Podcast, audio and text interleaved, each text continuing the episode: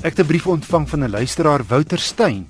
Hy het verskeie vrae rondom Ford se Kuga modelle wat aan die brand slaan.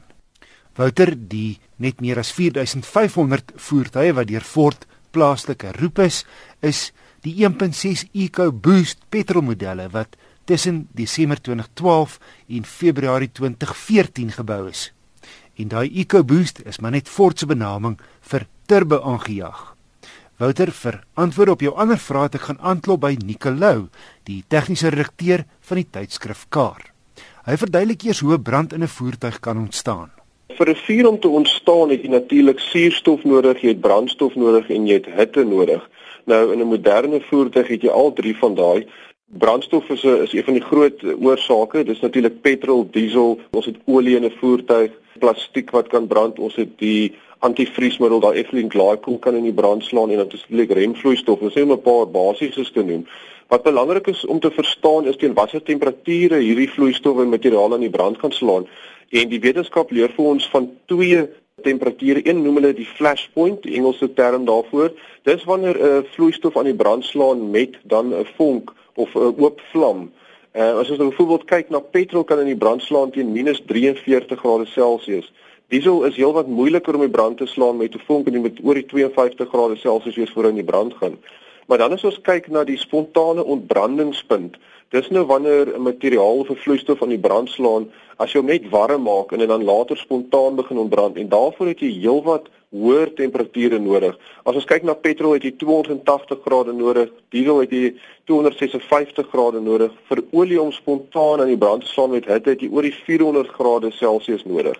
So nou die vraag is watter temperature het 'n mens dan in 'n moderne voertuig? Kan 'n vuur dan nou ontstaan? As ons kyk in 'n petrolvoertuig byvoorbeeld, die uitlaatgasse teen vol las kan hier by die 1000 grade Celsius wees, wat dan vir jou beteken dat jou uitlaatspruitstuk of exhaust manifold soos in Engels noem, sit oppervlaktemperatuur oor die 500 grade Celsius kan wees.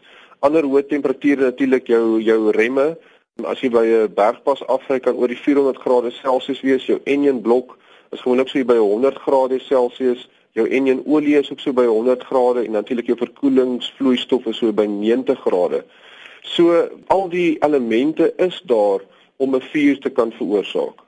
Nou Nikkel in die lig van wat jy nou gesê het, wat maak jy van hierdie kugas wat so aan die brand slaan hier in Suid-Afrika? Ja, Wesselfort het toe nou uitgekom en vir ons vertel dat die oorsaak van die brand is dan nou die silinderkop wat op die ou end kraak as die enjin oorverhit en dan nou olie op jou uitlaatspruitstuk en turbo gooi wat dan aan die brand slaan. As ons kyk na wat ek nou net gesê het, dan uh, het olie omtrent 400 grade plus nodig as daar nie 'n vonk is om die brand te slaan nie.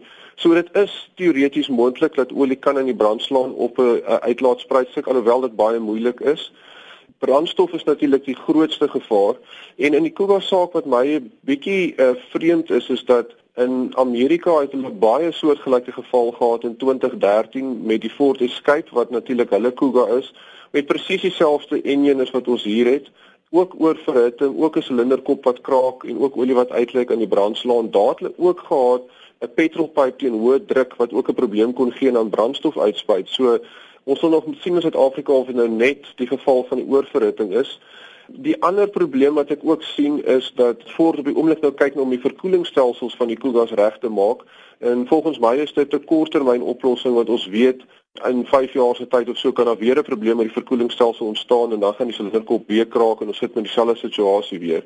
So voortpraat van 'n fase 1 en fase 2 roeping op die Kuga en ek verwag dan dat die fase 2 gaan kyk hoe om daai silinderkop dan nou veiliger te maak want mense verwag nie 'n enjin wat oorverhit so 'n silinderkop wat moet kraak en olie moet uitspuit op die uitlaat nie. Dit is heeltemal ongewoon. So ek verwag dat daar definitief 'n tweede herroeping gaan wees.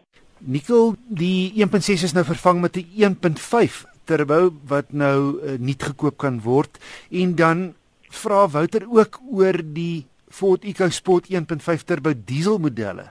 Enige gevaar dat uh, van hierdie voertuie ook kan brand? Hierso as ons kyk na die nuwe 1.5 enjin wat dan nou die 1.6 vervang het in die Kuga, dan sal ons vind dat daar groot veranderinge in die enjin is en die een wat ek nou hierso sal noem is is dat jou uitlaatspruitstuk of jou exhaust manifold dan wat op die 1.6 aan die buitekant van die silinderkop vasbou is dan nou geïntegreer in die 1.5 uh, engine in die silinderkop. So volgens my gaan die falling modus definitief nie dieselfde wees in 'n 1.5 as hy moet kraak teenoor 'n 1.6 nie. So ek dink nou daai rede gaan die 1.5 dan nou veilig wees. En ek dink dan nou ook as ons praat van die die EcoSport, hulle is natuurlik heeltemal ander engines en mens verwag nie dat dieselfde falingsmodus um, op daai engines gaan plaasvind nie. Ook omdat uh, Wouter sê dat dit 'n dieselvoertuig is, ons het net gepraat oor die materiale. Diesel is 'n baie veiliger brandstof natuurlik as petrol en die diesel engine se uitlaatgasse en so en is heelwat koeler as petrol engines. So inherënt is 'n diesel voertuig dan heelwat veiliger in vergelyking met 'n petrol voertuig. Ehm um, laastens wil ek ook net sê Wessel dat ehm um, ek het met 'n forensiese wetenskaplike gaan praat, uh, die bekende David Klassou en um, hy het my verseker dat die tragiese geval waar Richard Jimmy oor, oorlede is in daai Kuga was 'n heeltemal ander geval van brand uh, vergelyking met met die res.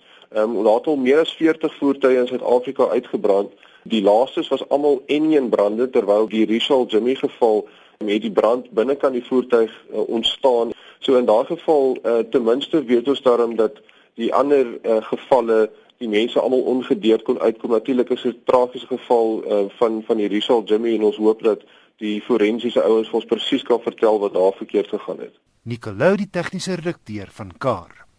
Intussen het die maatskappy se groot basie in Suid-Afrika, Jeff Nemeth, gister om verskoning gevra omdat Ford aanvanklik nie sy kliënte en die publiek goed genoeg ingelig het oor die situasie nie. Ondanks die negatiewe Kuga publisiteit het Ford goeie Januarie verkope beleef en derde geëindig naas Toyota en Volkswagen. Net 74 Kugas is verkoop, maar verskeie ander modelle in die stal het fliks verkoop. My e-posadres indien jy enige motornavrae het, is wissel@rsg.co.za.